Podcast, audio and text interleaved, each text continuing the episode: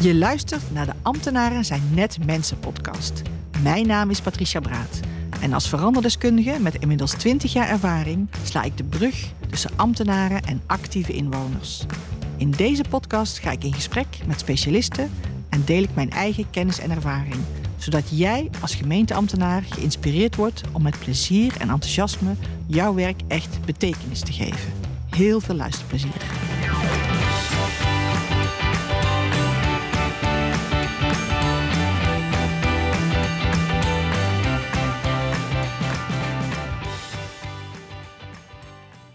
Welkom bij de podcast Ambtenaren zijn net mensen. Dit najaar wissel ik inspirerende interviews met ambtenaren af met korte podcasts over mijn eigen ervaringen met veranderprocessen. Graag deel ik deze ervaringen, fouten en successen, want ik ben tenslotte ook net een mens. Vandaag wil ik het graag met jullie hebben over communicatie binnen veranderprocessen. Communiceren is altijd belangrijk, maar bij een veranderproces is goede communicatie van cruciaal belang voor een succesvolle verandering. En iedereen is daar ook echt van doordrongen. Maar gek genoeg gaat het juist met de communicatie meestal mis. Zo ongeveer iedere verandergoeroe heeft het belang van goede communicatie bij veranderprocessen wel benadrukt en beschreven waarom dat belangrijk is. En toch lijkt of iedere leidinggevende of andere verantwoordelijke in een veranderproces toch met oogkleppen op de verkeerde richting op rent. Ik moet eerst zelf goed het pad duidelijk hebben voordat we gaan communiceren ik kan nu nog geen zekerheid bieden, dus het lijkt me niet verstandig om nu al iets te zeggen. Enzovoorts. En dat geldt zeker niet alleen bij grote veranderprocessen, zoals reorganisaties of fusies, maar ook voor kleine veranderprocessen, zoals bijvoorbeeld een burgerinitiatief in een wijk. Er wordt veel te vaak afgewacht met communiceren totdat alles is uitgedacht en uitgewerkt. In de tussentijd zitten alle betrokkenen met smart te wachten op informatie. Ze hebben namelijk geen flauw idee waar jullie mee bezig zijn. En ondertussen gaan er allemaal geruchten rond of maken mensen hun eigen verhaal. En geloof mij dat ze echt wel weten dat er iets aan de hand is. Want ondanks het feit dat veel bestuurders en managers denken dat ze beter kunnen wachten met communiceren, maken ze de situatie alleen maar erger. Veranderen is namelijk voor de meeste mensen doodeng.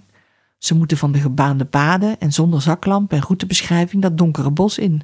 En als dat gevoel dan te lang duurt, dan is het geen spannende dropping meer, maar een horrorverhaal. En zolang dat beeld niet wordt aangepast door degene die daar iets mee kan doen, dan volgt daar allerlei beeldvorming om. En zoals gezegd geldt dat niet alleen binnen organisaties, maar ook als je als gemeenteambtenaar te maken hebt met actieve inwoners die met een plan komen om iets helemaal anders te doen. Burgerinitiatieven gaan in veel gevallen over veranderingen. Verandering in de wijk, in de aanpak van leefbaarheid of het neerzetten van een nieuw speeltuintje dan zit soms juist de angst aan de andere kant, want de inwoners initiëren het proces. Maar in dat geval niet communiceren levert frustratie en soms ook boosheid op aan de kant van de inwoners. Ze denken dat die ambtenaren niets doen of bewust het proces tegenwerken, terwijl er vaak in werkelijkheid heel hard wordt gewerkt om iets voor elkaar te krijgen. Maar als je dat niet vertelt, dan weten ze dat niet. Alleen communiceren op inhoud en resultaat is dus de eerste grote fout die wordt gemaakt. In ieder veranderproces is het ook belangrijk om te communiceren op procedure, op gevoel en verwachtingen. Juist als je nog niet weet wat het resultaat gaat worden. En dat geldt eigenlijk voor elk veranderproces, want het resultaat dat iedereen voor ogen heeft, wordt toch zeer waarschijnlijk anders. Dus als je als ambtenaar geconfronteerd wordt met een enthousiaste groep actieve inwoners, ben dan heel duidelijk over verwachtingen, over het proces. Informeer ze over de stappen die je hebt te nemen en laat ze regelmatig weten hoe ver je ermee bent. Zorg dat je bij ieder volgend overleg iets te melden hebt. Ik heb in deze podcast al vaker gedeeld dat ik nogal resultaatgericht ben. Dus dit was voor mij ook echt een leerpunt. Want als je zelf gefocust bent op het resultaat, dan vergeet je regelmatig dat anderen soms niet beseffen wat het proces is. Ik was in het begin van mijn carrière soms oprecht verbaasd waarom de anderen zo ongeduldig waren of weerstand hadden. Want er waren tenslotte duidelijke afspraken gemaakt en ik was er toch mee bezig. Totdat iemand tegen mij zei: we kunnen niet zien wat er allemaal in jouw hoofd gebeurt, Patricia. Je moet ons meenemen in het proces. Dat was echt een eye-opener voor mij en een hele grote valkuil nog steeds. En heel af en toe betrap ik mij er nog op dat ik te snel naar het licht aan het eind van de tunnel aan het rennen ben, zonder daar anderen in mee te nemen. Het verschil is alleen dat ik het nu sneller in de gaten heb en een paar stappen terug doe en mezelf dwing om te vertellen over datgene wat er is gebeurd en wat we nog gaan doen. en dat ook regelmatig te herhalen. Het niet betrekken van alle stakeholders bij de communicatie over het veranderproces is de tweede grote fout. Dit is iets wat ik bij veel professionals zie en ook zelf heel lang heb gedaan. Je voelt je verantwoordelijk voor de verandering.